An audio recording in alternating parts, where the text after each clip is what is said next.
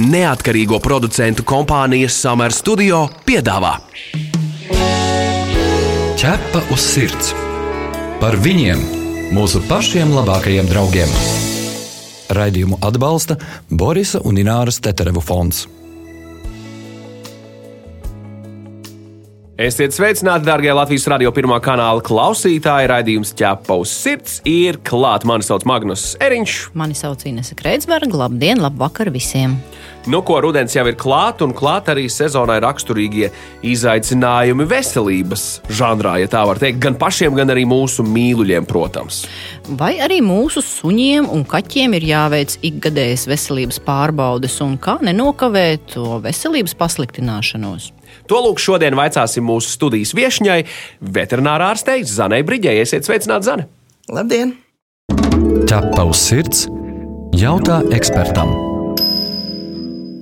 Kā tad ir ar to ikgadējo veselības pārbaudi mūsu suņiem un kaķiem? Vai būtu jāveic, vai būtu jāveic, un kas tieši ir jāpārbauda? Nu, parasti cilvēki ierodās uz ikgadējo vakcināciju, un tad arī tiek veikta veselības pārbaude. Tad mēs uz vietas izvērtējam, vai to dzīvnieci drīkst uz to brīdi vakcinēt. Jo, ja tur, piemēram, ir kaut kādas veselības problēmas, tad mēs parasti to potīti atliekam. Bet, nu, jā, būtu jāveic tās veselības pārbaudes, ceļš ir kaut kādas sūdzības. Aha, nu retēji tas interesants jautājums par sūdzībām. Nu, lielākā daļa cilvēku pateiks, viņi ar to suni vai kaķi ikdienā, taču nu, 24,7 nav blakus. Kā viņi zina tās sūdzības? Un cilvēku valodā jau viņš arī nerunā. Nu, tāpēc vai ir kāds brīdis, kad tas dzīvnieks būtu jāpārbauda biežāk, piemēram, vai senioru vecumā, vai pēc sterilizācijas kādu brīdi? Dzīvnieku uzvedība jau izmainās, ja sākās kaut kādas veselības problēmas. Viņš sāk sliktāk ēst, novājē, piemēram, ja ir ausis iekaisušas, viņš sāk purināt galvu, alerģijas, tur laiza ķepas, kasās un tā tālāk. Tā ka tas viss jau būtu redzams. Un, protams, ka senioru vecumā dzīvnieciņi ir jāpārbauda biežāk. Tad būtu vēlams katru gadu veikt vismaz vienreiz asins analīzes, lai, lai nenokavētu, kad sākās kādas problēmas, tās pašas aknas, nieres. Tāpat tās kā cilvēkiem vajag pārbaudīties. Tātad, principā, tā būtu asins analīze katru gadu. Asins analīze uzrāda patiesībā visas orgānu funkcijas un nobīdes no normas, ja tāda ir. Nu, pa lielam, jā, uzrāda visu nepieciešamo, bet reizēm ir tā, ka asins analīze nepasaka visu, ko gribētos uzzināt, vai nu kaut kas liekas nedaudz aizdomīgi, un tad es parasti sūtu viņus tālāk uz dziļākiem izmeklējumiem, kā piemēram ultrasonogrāfija. Runājot par senioriem, senioru veselības uzturēšanā, tāds aktuāls jautājums ir šāds. Ir tādi cilvēki, kur uzskata, ka gados vecam sunim vai kaķim nu, baigi nevajadzētu meklēt veselības vainas vai problēmas un tos pārbaudīt, jo tad noteikti kaut ko atradīs. Bet arī veci cilvēki dzīvo ilgi, lieto zāles, kas uztur veselību normas robežās. Un izrietot no šī visa, kā tad vajadzētu uztvert vecumu sunim un kaķim? Nu, vecums tā ir normāla parādība, un, protams, ja tam dzīvnieciņam rodās kaut kādas problēmas, viņu jau var uzturēt. Tās pašas locītavas var padot papildu barību piedevas, kas viņam palīdzēs kustēties, medikamentus, ja viņam ir sāpes, jo viņam tomēr to savu vecumu vajadzētu arī nodzīvot pilnvērtīgi, nevis mokoties. Nu, labi, bet tad ir teiksim, tāds variants, piemēram, cilvēkiem liekas, nu, ka tas kaķis visu mūžu ir nodzīvojis mājā, tur nu, viņam ir piemēram 15 vai 16 gadi. Nu, ko es viņu tagad vedīšu pie ārsta? Viņš pie tam nav pieradis nekur braukt, viņam būs stress liels no tās transportēšanas, viņš jau nomirs pa ceļam. Kā tad ar tiem cilvēkiem, saimniekiem runāt? Vai tomēr ir vērts riskēt, likt viņu būrī, nu, tas viņš paņaudēs, tur būs stresiņš, bet nu, vai no tā stresiņa viņš var nomirt? Nu, diezin vai, vai tomēr ir tas tas moments, kad ir jāizsver, ka tomēr dabūs tās asins analīzes, kas var konstatēt kaut ko jau aizdomīgu. Protams, ka ir dzīvnieki, kas var nomirt stresa rezultātā, bet, bet ir tādi gadījumi, jūs esat pieredzējusi tādus? Jā, diemžēl tas biežāk notiek ar papagailīšiem mm -hmm. un mhm. tādiem eksotiskiem dzīvnieciņiem. Bet nu, suņi, kaķi parasti no stresa nenomirst, bet vienmēr ir tāds variants, ka pirms tās veterinārā ārsta vizītes var padot kaut ko nomierinošu, lai tas dzīvnieks nav tādā stresā. Un man ir gadījies arī, nu, ir bijuši kaķīši, ko tiešām cilvēks nevar atvest, un es esmu piekāpsies un braukus uz mājām. Bet, nu, diemžēl mājās nevienmēr to dzīvnieku ir iespējams pilnvērtīgi izmeklēt. Vienā gadījumā labi, ka to kaķi vispār dabūja ciet. Nu, es viņu cik varēju apstījos, noņēmu asins analīzes Bet nu, kādu laiku mēs viņam varējām palīdzēt dzīvot daudz maz pilnvērtīgi. Tu esi mans draugs, ķepus sirds. Zanē ir liela pieredze arī darbā ar grauzējiem. Tātad tie ir kas jūras cūciņas. Jūras cūciņas, trusīši, žurciņas, kāmīši. Nu, visi parastie, kas nāk. Bet kā tā jau kaķis sunis saprast, vetārstam ir grūti, ar kādām problēmām saskarās šo grauzēju saimnieku un kā jūs vispār viņus ārstējat? Tur taču tik maziņas tās ķepiņas un tas ķermenītis, man liekas, tas ar ir. Ar mazām zālītēm. nu, pastāstiet, nu, reizēm tās devas ir tik minimālas, ka pat uh, špricē nav iespējams ievilkt. Nu, tā kā ja atnāk kāds džungārijas kāmīts, nu, tad ir diezgan pagrūti ar to medikamentu piemeklēšanu. Uh, bet, nu, man pēdējā laikā lielākoties uh, nāk, paldies Dievam, veseli tie dzīvnieciņi. Un parasti tādas standarta procedūras kā kastrācija trusīšiem un trusenītēm, arī jūras cūciņām, reizēm gadās arī žurkām. Nu, žurkām biežāk, kas nāk, ir ar audzējiem. Diemžēl arī kāmīšiem pēdējie, kas ir bijuši, bija tieši ar audzēju problēmām. Tad sanāk, ka nu, pārsvarā grauzēju saimnieki nāk pēc palīdzības, ja viņi redz vizuāli problēmas. Tas ir audzējs kāds audzējs, piemēram, nu, viņiem gadās arī, ka viņi nokasās. Citreiz trušiem jūras cūkām mēdz būt problēmas ar zobiem, nu, tad var redzēt, ka viņi sāk sliktāk ēst, vai nu, trušiem vēl var būt, ka viņi ir nosiekalošies, citreiz ir tekošas acis. Nu, tādas lietiņas. Nu, parasti grauzējiem, it sevišķi trušiem un jūras cūkām jāpievērš uzmanība, kā viņi ēd un kā viņi nokārtojās. Par to grauzēju tematiku vēl pabeidzot, um, tas ir diezgan tāds jaunums par to, ka cilvēki ir apzinīgi saprotot, ka jāveic ir uh, sterilizācija trušiem, piemēram. Kā jums liekas, kāpēc cilvēki tā izdomā? Viņiem kāds to ir pateicis, un tas ir uh, kaut kādā veidā saistīts to, ka tā veselība būs labāka, jo ne jau no laba prāta cilvēks sēž un izdomā, ka vajadzētu kastrēt trusi. Eh, nu, trusīšiem tur būs bijis cits stāsts. Piemēram, ja tur ir kopā trušu puisīts ar meitenīti vai vienalga divi trusīši kopā, eh, viņi, kad sasniedz to dzimumu briedumu, viņiem tas raksturiņš var izmainīties, viņi var kļūt agresīvāki, viņi var sākt zīmēt. Un tāpēc eh, tos trusīšus iesaka diezgan laicīgi izkastrēt. Bet, nu, protams, arī mēdz būt veselības problēmas. Tām pašām trusinītēm var būt tā pati biometra, kas ir strutu sakrāšanās dzemdē, cistas solnīcās un citas citas problēmas pa sievišķo līniju. Pēdējā laikā man ir bijusi, kur es atradu nejauši, vienkārši veicot standarta procedūru, ka tā trusenīka viņai bija diezgan liela, smaga biometrija jau izveidojusies. Un pagājušā nedēļa viena bija tā, gan bija jauna, viņai pat vēl gadiņš nebija, viņai jau bija cistas solnīcās. Nākamais jautājums ir šāds. Par to, cik pašsaprotama ir kļuvusi kaķu un suņu sterilizācija. Uh, ja mīlulis nav paredzēts vaislas darbam, vai cilvēki joprojām domā par to ar tādu savā ziņā neizpratni, kāpēc vispār mums kaut kas tāds ir jāizdara. Un vai vēl var pieņemt, ka tas jādara ar kaķiem, bet suņu puiku kastrēt, nu, tas nu, gan nav vajadzīgs. Kāds ir cilvēku viedoklis šobrīd? Nu, es teiktu, tā, ka situācija šajā laukā ir uzlabojusies. Cilvēki ir kļuvuši saprotošāki un apzinīgāki, un tie sunīši un sunanītes biežāk tiek sterilizēti. Ar kaķīšiem arī tāpatās, jo lielākā daļa runču tomēr dzīvo istabā un kaķeņu. Un, uh, kurš tad ir gatavs visu laiku ciest to runču smaku, jo viņiem tiešām ir specifiska smaka. Un kaķenītes viņas taču regulāri meklējās, tas ir katru mēnesi, un tas nozīmē, ka viņas vairākas dienas no vietas bļauj. Bet nu, sunīšiem tāpat tās jau mēdz būt problēmas arī pa vīrišķo līniju, prostatas, hiperplāzijas un tā tālāk, ka tieši ir ieteicama tā kastrācija, bet, nu, protams, ir jau citi varianti. Ir arī uh, medikamenti, lai to hiperplāziju cīnītos, kā arī ir tāds variants kā ķīmiskā kastrācija, kas arī sāk kļūt aizvien populārāks, jo viņa ir atgriezeniska. Tas nozīmē, to, ka ir jālieto nu, katru dienu tās tabletes, jādzer. Kā tas izpaužas? Tā ķīmiskā, ķīmiskā kastrācija? kastrācija ir tā, ka tiek ievadīts tāds kā mikročips, un viņš darbojās uh, diezgan ilgu laiku. Pirmā deva darbojās tur. Nu, sešus, varbūt pat astoņus mēnešus. Tur jāstāsta pēc tā testosterona līmeņa. Un, kad ievada otro devu, nu, tad viņi ir kā minimums uz gadu. Tas nav tā, ka jālieto tabletes visu laiku. Respektīvi, tiek uh, implantēts čips, kas Jā. savukārt uh, pilda šo funkciju, kas nodrošina ķīmisko kastrāciju. Jā. Tik vienkārši nav vairs nekas manuāli jādara. Tīri divas manipulācijas, tas ir arī viss. Nu, nē, tā manipulācija ir jāatkārto katru gadu pēc tam, nu, lai viņa tā kā noturētu. Jā, bet jā, šī gada jā. laikā, piemēram, tie skeptiskākie prāti, viņi var pārliecināties, vai tiešām tā nu, kastrācija ietekmēs to mīloņu raksturu. Un, ja viņi tā. redz, ka neietekmē, tad ir droši sterilizēt. Tieši tas tā. ir galvenais, par ko, par ko cilvēki nu, šaubās. Ir sevišķi tas suns zaudēs instinktus un tam līdzīgi. Nu, vai, tieši otrādi, vai tieši otrādi doma par to, ka paliks, nu, paliks rasns, dabūs liekos kilogramus? Kas Nu, diemžēl tā dažiem suņiem notiekās, ka viņiem palēninās vilmaiņa, un pēc tam viņi mēdz to lieko svaru uzņemt, bet nu, ir ha, arī ha, citi nekastrēti, tagad... kas ir aptaukojušies. Nē, nu te ir tāds, šeit ir mums atsevišķi jautājums. Daudzi baidās sterilizēt, jo domā, ka mīlos aptaukosies. Bet vai tas notiek tāpēc, ka viņš ir sterilizēts? Nu, varbūt tomēr pateiksim, kā reāli ir. Reāli notiek tā, ka vilmaiņa samazinās, bet tas jau nenozīmē, ka viņš var patērēt tikpat daudz ēdiena kā līdz šim. Ir jāsako līdzi ēdināšanai, kustībām, un, ja tas dzīvnieks pieņemas svarā, tad attiecīgi ir jāsamazina barības deva.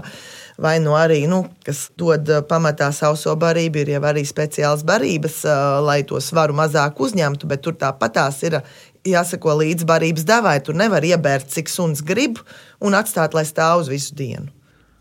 Tātad barības dozēšana ir viena no atslēgas lietām šajā. Tieši tā, un arī pie, pietiekoši daudzums kustību. Jo, ja tas dzīvnieks visu dienu gulēs divānā, divreiz dienā, trīsreiz dienā pāēdīs un nekustēsies, nu, ko mēs gribam? Ķepavs sirds, suņu būda. Man uh, nākamais jautājums par šiem pašiem aptaukojušo suņu un uh, kaķu saimniekiem. Nu, viņi bieži ved viņus uh, pie jums. Kāds ir galvenais iemesls? Jo redz, mēs raidījumā ķepa uz sirds esam ar pieredzi šajā ziņā. Mēs savulaik veidojām tievēršanas maratonu, un tur galvenais iemesls suņu un kaķu tuklumam bija tas, ka saimnieki nelasīja barības sastāvu, piedāvājot faktiski barību ar tukšām kalorijām, un, un maltīšu starplaikos cienāja mīlīšus ar desiņu, ar kādu siera gabaliņu. Un, Siers, jā, nodevīgais siers. Un, un citiem cilvēku gardumiem. Kas vainas mums, kāpēc šādi notiek? Nu, cilvēkam jau liekas, ka viņš tur druskuļi iedod, ka tas nekas nav. Bet, ja tas sunīts ir divi kilogramīgs un viņam iedod vairākas reizes dienā, tur siera gabaliņu, desas gabaliņu, priekš tā mazā sunīša, tas ir ļoti daudz. Jo viņam jau tur ir jāpēta tikai ļoti minimāls tas gramu daudzums tajā vienā ēdienreizē. Bet domājot par to, cik bieži ierodas pie jums uh, dzīvnieki ar lieko svaru, diezgan bieži ierodās, bet parasti viņi jau neierodās dēļ tā liekās svāra. Jā, jā jā. tieši to domāju, bet jūs viņi ierodās redzat? ar citām problēmām, un tad es kā, paralēli viņiem iesaku kā, cīnīties ar to svāru, dot mazāk ēst, iesaku speciālas barības, ja dzīvnieks ir uz sausās barības. Nu, bet ko viņi uz to atbild, kad jūs norādat uz to tuklumu? Nu, parasti piekrīt, ka tas dzīvnieks ir aptaukojies. Un bet, tad... pirms tam, bet pirms tam viņi to neredzēja? Nē, viņi redzēja, bet uh, viņi parasti saka, bet mēs jau tāpat tik minimāli ēdam. Atgādinām, ka pie mums studijā šodien ir veterinārā ārste Zane Brīģe, un mēs diskutējam par to, kādas pārbaudes jāveic savam mīlulim katru gadu un kas notiek rudenī saistībā ar veselību. Šo radio pārraidi, protams, varēsiet dzirdēt arī populārākajās straumēšanas vietnēs podkāstu formā, kā arī mājaslapā www.ķepaus.lv arhīva sadaļā. Tu pazīsti kādu īpašu dzīvnieku draugu? Tavs kaimiņš vai kolēģis palīdz nelaimē nonākušiem suņiem un kaķiem? Varbūt kāds suns vai kaķis izmainīs tavu pašu dzīvi. Raksti mums, un mēs pastāstīsim šo sirsnīgo stāstu pārējiem klausītājiem. Iedrošināsim arī citus izdarīt kādu labu darbu. Gaidām jūsu vēstuli uz info atķepa uz sirds LV. Cik bieži ir situācijas, ka jānonāk līdz dzīvnieku iemidzināšanai, kad principā jūs redzat, ka tā situācija ir bijusi nu, totāli ielaista? Tādi gadījumi ir? Diemžēl jā, ir tādi gadījumi, un tad citreiz ir tā, ka cilvēks atnāk. Viņam jau bija jāatnāk pirms gada, bet viņš nav atnācis. Tad viņš atnāk un ir kā, nu, jau ir viss, jau redzams, ka nu, īpaši vairs palīdzēt nevarēs. Tad viņš saka, man vienalga, es samaksāšu jebkādu naudu, tikai dariet kaut ko. Nu, diemžēl lielākajā daļā gadījumu tas dzīvnieks tāpat aiziet. Tas, ko es vienmēr esmu gribējis pajautāt vetārstiem, kā jūs redzat to, nu, to cilvēku atbildību tajā brīdī, kad viņi ir nopirkuši kaķi vai suni? Vai nevajadzētu tomēr mm, pirms tā dzīvnieka iegādes konsultēties jau ar to vetārstu, nevis atnāk jau ar to labumu, kā saka, tas dzīvnieks ir nopirks, un jūs jau redzat, ka tas cilvēks ir, nu, tautas valodā runājot, jau ir iegrābies, nu, ka tas dzīvnieks jau ir problemātisks. Ir, cik bieži ir tādi gadījumi, un, un, un ko jūs tam cilvēkam tad sakat? Nu, ir man bijuši tādi gadījumi, kad uh, nopirkts kā šķirnes dzīvnieks, un viņam jau mazotnē, jau dažos mēnešos sākās problēmiņas. Uh, Vairs jau neko, nu, saku tam cilvēkam, ka nākošajā reizē tomēr pērciet to dzīvnieku atbildīgāk un noskaidrojiet pirms iegādāšanās, bet nu, tajā brīdī jau solis ir izdarīts. Nu, ko nu, tas dzīvnieks ir jārastē un uh, jāpalīdz viņam justies labi. Visur kopā ķepus sirds. Zana, vai kādreiz jums ir bijusi tāda situācija, kur uh, kādam no saviem klientiem, kas ir izlēmuši par labu eitanāzijai vai dzīvnieku iemidzināšanai, jūs esat uh, rekomendējusi varbūt neņemt nākamreiz vai divreiz padomāt par nākamo māju dzīvnieku, kad nu, varētu iztikt bez? Nu, diemžēl ar uh, tādiem cilvēkiem uh, parasti līdz tam neaiziet, jo nu, Jā, ir diemžēl gadījumi, kad tu skaties un saproti, nu, ka tam cilvēkam tiešām nevajag to nākošo dzīvnieku, bet nu, viņš jau mani neklausīs. Viņš jau tāpat to dzīvnieku paņems. Nu jā, jā, viņš, viņš pie jums vienkārši vairs nenāks. Tā sanāk. Tieši tā atradīs citu ārstu. Bet jūs minējāt, kad atnāk un jūs jau redzat, ka tās problēmas ir. Kuru šķirņu dzīvnieki, jūsuprāt, ir tie paši, paši nu, tā grupa, kuru visbiežāk tās ģenētiskās problēmas ir? Ir tāds tops, varbūt suņu kaķu vidū? Nu, es domāju, ka tas atkarīgs no klīnikas, kādi dzīvnieki tiek vēsti. Man, Bet jums kādi tiek vēsti? Man no biežāk ir mazo šķirņu suņi un nu, dažādi kaķi. Nu, pamatā gan ir bezšķirnes kaķi, bet nu, ir arī šķirnes dzīvnieki.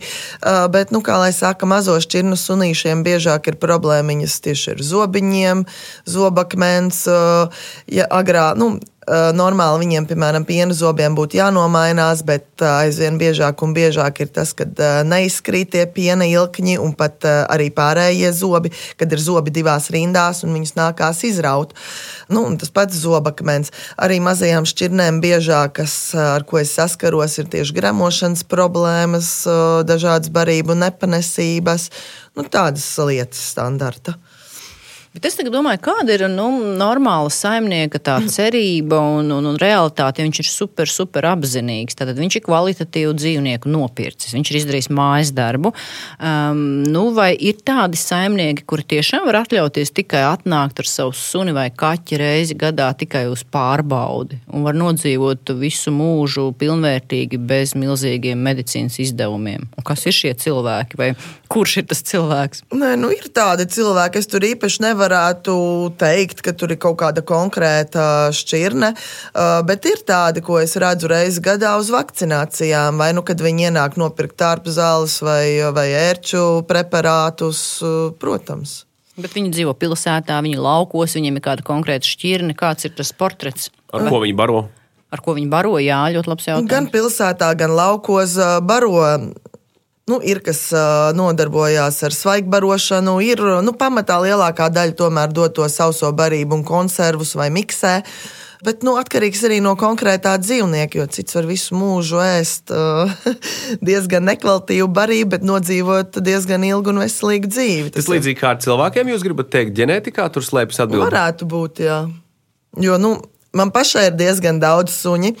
Un, uh, Ja godīgi, nu, man nav nācies bieži vērsties pie kolēģiem ar kaut kādām tur baigām problēmām. Nu, vienīgais, ka man bija suns satraumējis diezgan ilgstoši plecu, un tad gan mēs pamocījāmies. Bet nu, tā bija trauma, nevis kaut kāda cita problēma. Ķerpa uz sirds, diskutē. Kāda jums pašai ir suņi un, un, un cik jūs apzināti viņus izvēlējāties, zinot to, kā notiek ārstēšana? Nu, kā vetārsts izvēlas suņus? Es uh, diezgan apzināti izvēlējos. Nu, labi, mans pirmais sunītis uh, tas bija nu, bez dokumentiņiem, bet nu, viņa bija diezgan veselīga no radiem. Tad es uh, otro suni izvēlējos, sarunāju, kad es vēl nebiju atgriezusies Latvijā, arī no diezgan apzināti audzētāvas uh, tiesas Krievijā. Ja godīgi nevaru sūdzēties par šā suņa veselības stāvokli, viņai uz doto brīdi ir 6,5 gadi. Un var teikt, nekādas tādas veselības problēmas mums nav bijušas. Kas par šķirni? Vācu aitu suns, un uz doto brīdi es no viņas esmu atstājusi meitiņu, kurai ir septiņi mēneši. Tad mēs vēl izvēlējāmies Austrālijas ganu suni, kurai uz doto brīdi ir divi ar pus gadu. Nu, arī mums nav nekādas, nu, viņa vēl ir jauna, bet nu, tā nekādas veselības problēmas mums nav bijušas, izņemot traumas. Par vetārstiem un viņu dzīvniekiem ir interesanti tas, ka bieži vetārsti arī adoptē kādu suni vai kaķi, kas ir atnests iemidzināšanai. Jums nav bijis kādreiz tāda situācija, ka jūs esat izglābusi kādu dzīvnieku, nu, tāpēc, ka izglābusi. Es esmu izglābusi vairākus tādus dzīvniekus, kas ir atnesti iemidzināti. Es viņus neesmu iemidzinājusi, esmu parasti sarunājusi, ka tas dzīvnieks paliek pie manis. Es parasti esmu centusies atrast viņiem mājas, un līdz šim diezgan veiksmīgi savā mājās, Zani, vai jūs arī pati varat sniegt saviem dzīvniekiem medicīnisko palīdzību, nu, piemēram, operēt, ja būtu tāda vajadzība? Mm, mājās man nav nācies, ja nu vienīgais, nu, sagriezt, sadurti ķepa vai kaut kādas nu, tādas mazas traumas, ko var arī mājās apstrādāt. Nu, sliktākais man bija, kad uh, vācu aitas un es satraumēju asti, un tur bija diezgan liela brūce. Protams, tas notiek vienmēr brīvdienās, bet man paveicās, ka mans kolēģis bija uz vietas, un tad es aizskrēju pie viņa. Viņam vismaz preparāti visu uz vietas, tad es to asteri sašuvu. Nē, bet uh, saka jau, ka cilvēku dakteri savus tuviniekus parasti neoperē, bet vai tas attiecās arī uz vetārstiem attiecībā par savu dzīvnieku? Uh, nu, tādas uh, lielas operācijas es saviem dzīvniekiem negribētu veikt, jo viņi man tomēr ir pārāk tuvi. Un, veicot pati šo operāciju, es būtu pārāk lielā stresā. Tāpēc nu, man bija vajadzība, un tad es arī sarunāju ar kolēģīti, lai veiktu šo operāciju. Tomēr stress ir tas, kas neļauj palīdzēt mediķim savējam. Ja? Tas ir tas nu, moments kā lai saka, vairāk pārdzīvo par to savu dzīvnieku. Tad attiecīgi parādās nu, trīcošas rokas un viss, jo es vēl neesmu iemācījusies tā, no tā kaut kā distancēties. Jo, protams, man ir gadījies operēt savus dzīvniekus. Man bija žurciņas, viņu operēju divas reizes, bija jānoņem audzēji. Un, un, un arī uh, man ir tāds mazs takšalītis, uh, viņam arī es uh, veicu operāciju, bet nu, tādas lielākas es tomēr uh, cenšos sarunāt ar kolēģiem, lai gan es to varu izdarīt pati, bet uh, kaut kā negribās.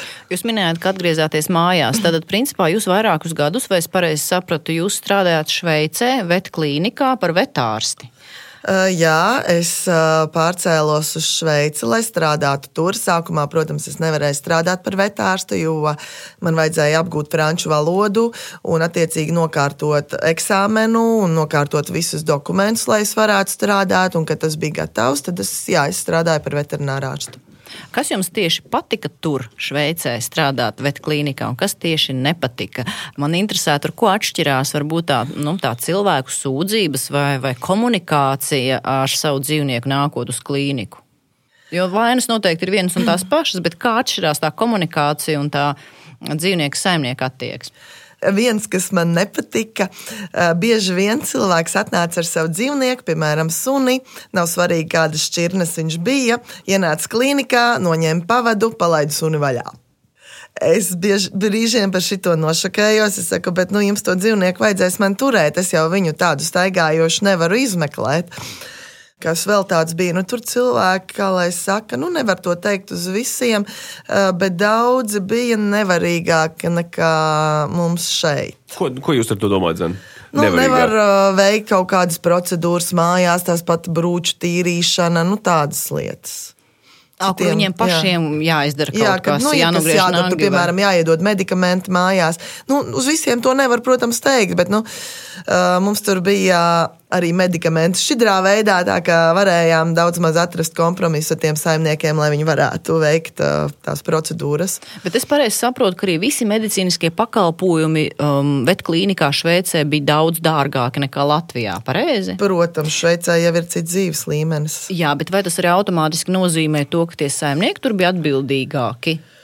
Nu, Nu, nevar tās, nā, teikt. tās vainas varbūt nebija tik ielaistas tieši no tā apstākļa, lai pēc tam nebūtu jātērē nu, ārkārtīgi liela līdzekļa, lai izārstētu. Nevar teikt, bija diezgan ielaisti gadījumi. Tāpat bija cilvēki, tāpat kā šeit, kas skrēja pie nelieliem sīkumiem, bet bija gadījumi, kas tiešām bija ielaisti. Un um, bija arī cilvēki, kas uh, īsti tos dzīvnieku nemaz nesaprata, nesaprata viņu fizioloģiju. Man, piemēram, bija tāds gadījums, kad atskrēja saimnieki uz klīniku ar dzemdējošu kucīti, kaut ko uh, čivavu veidīgu, un nesaprot, ka tas suns dzemdē. Viņi saka, kaut kas karājās no dibena, kas notiek. Es paskatos, man jau uzreiz ir skaidrs. Es saku, no jums kucīte ir dzemdības apgrūtināts, jo viņa jau labu laiku mocījās. Un tas sunīts tika atstāts pie mums klīnikā. Nu, veiksmīgi mums izdevās piedzemdēt kopīgiem spēkiem eh, trīs kucēnus, bet tas viss process ilga 24 stundas. Un tie cilvēki, viņi pat nesaprata, ka tā viņa kucīte meklējās. Viņi nesaprata, ka viņa aizskrēja uz krūmiem ar puisīti, kur bija satikusi pastaigā. Un, nu, tā tas viss bija.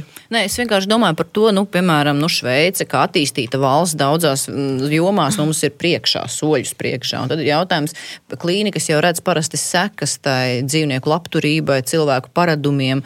Nu, varbūt tās, um, ar ko tad var izskaidrot šādu veidu cilvēku uzvedību? Viņi tā kā paļaujas uz to, ka vetklīnika atrisinās tās problēmas, ja es varu maksāt, jeb kā. Nu, nē, tā gluži nevar teikt, bet nu, vienkārši citi ir, kas uh, nezina. Nezina to dzīvnieku fizioloģiju, nesaprot uh, procesus organismā. Tur um, es jau nezinu, varbūt tagad uh, viņi to ir atjaunojuši, bet vienu laiku bija obligāti, kad tie cilvēki kas iegādājās to suni, viņiem bija jāaiziet obligāti kā, apmācības ar to Jā, tas, sunīti. tas bija jau obligāti vienā brīdī. Jā. Bet es zinu, ka tā, kad es jau tur biju, ka kaut kādu brīdi viņi to atcēla, bet uz doto brīdi man nav informācija. Vai... Tam vai tas saistība ir ar vetklīniku kaut kādā veidā? Ne gluži, bet, nu, principā, ja tas dzīvnieks, tas cilvēks, ka viņš iet pie kinologa, viņš jau mācās ne tikai par to suņa paklausību, kā viņam tur ko, bet arī, nu, mācās komunicēt ar viņu pareizi, redzēt. ā, Pazīmes, vai viņš tur ir agresīvs vai nē, jo, diemžēl, nu, Šveicē, nu, ne tik daudz kā šeit, bet tur man tomēr arī bija gadījumi, kad uh, nāca ar sakostiem un nokostiem dzīvniekiem. À, tā kā patiesībā nu, tā apmācības kursi pirms suņa iegādes būtu vēlami pat obligāti arī mums, jo tas ļautu izprast arī to suņa fizioloģiju un retāki būtu gājieni uz klīniku. Tā. Pareizi Nu, saprotu. es tā arī teiktu, jo daudzi cilvēki, kas paņem to dzīvnieku, viņi jau nemaz uh, nesaprot, kā ar viņu rīkoties. Citreiz ir tā, ka nopērk diezgan nopietnu šķirni, bet viņš jau neņem vērā, kam tas suns ir tika radīts, un attiecīgi vēlāk rodās problēmas. Bet tur bija ļoti pozitīva lieta, tāda, ka uh, uz visām ielām bija speciāls miskastes ar piestiprinātiem maisiņiem, ko cilvēki varēja ņemt, cik gribēja, priekš suņu fekālijām. Un uh, arī turpat varēja izmest. Un tas bija diezgan bieži. To mums vajadzētu ieviest arī Latvijā. Tas būtu šķiet. ļoti vēlams. Jā. Tā šķiet, tas, uh, tas būtu pašā laikā. Zana, ja jums, uh, jums noteikti ir kaut kas padomā, ko jūs vēlētos pateikt visiem tiem cilvēkiem, kas šobrīd mūs klausās. Es vēlētos pateikt, ka nu, mums ir jāmācās pazīt savus mīluļus, jo zinot, kā viņi parasti izturās, mēs arī ātrāk varēsim pateikt, vai viņiem ir sākušās kaut kādas problēmas ar veselību vai uzvedību. Tas nozīmē to, ka nu, vērīgākiem būt. Ja? Būt vērīgākiem, jā, vairāk viņus novērot, pavadīt pēc iespējas vairāk laika kopā. Un tad jau mēs viņus arī labāk pazīsim. Un, starp citu, vai arī tas ir labs ieteikums ā, kaut kādu problēmu gadījumā nofilmēt, jo jums kā vetārštam uzreiz skaidrāka bilde tomēr ne? Jā, ir. Un ā, īstenībā diezgan daudz cilvēku to arī dara. Ā, Man nāk, citreiz rāda, kā tas suns klibo. Ir bijuši, kad nofilmēts epilepsijas lēkmes vai klepus lēkmes. Tā kā jā, cilvēki to diezgan bieži izmanto. Nu, lūk, ja gadījumā ir kas filmēšanas laikā smieklīgs nofilmējies, to video savukārt sūtiet mums uz, uz kurioziem, uz televīzijas raidījumu. Noteikti noderēs. Bet Zana šajā reizē teiksim lielu paldies par viesošanos šeit raidījumā ķepa uz sirds. Un, hei, lai maz darba! Tas būs tas, ko Paldies. novēlēšu, novēlēšu jums šajā sezonā. Paldies! Mūrāģam ķepa uz sirds! Bet mēs atgādinām, ka ķepus sirds televīzijas versijai varat sekot līdz kā ierasts sestdienās, 11.15. LTV1. Mēs, protams, gaidīsim arī jūsu jautājumus, ierosinājumus un idejas sižetiem. Rakstiet mums uz info atķepa uz sirds LV. Bet šajā raidījumā tas ir arī viss. Mani sauc Ines Kreitsberga. Mani sauc Magnus Eriņš. Raidījumu veido neatkarīgo producentu kompānija Summer Studio. Visu labu! Atā! Ķepa uz sirds! Informatīvi izglītojoši raidījums par dzīvnieku pasauli un cilvēkiem tajā. Raidījumu atbalsta Borisa un Ināras Teterevu fonds.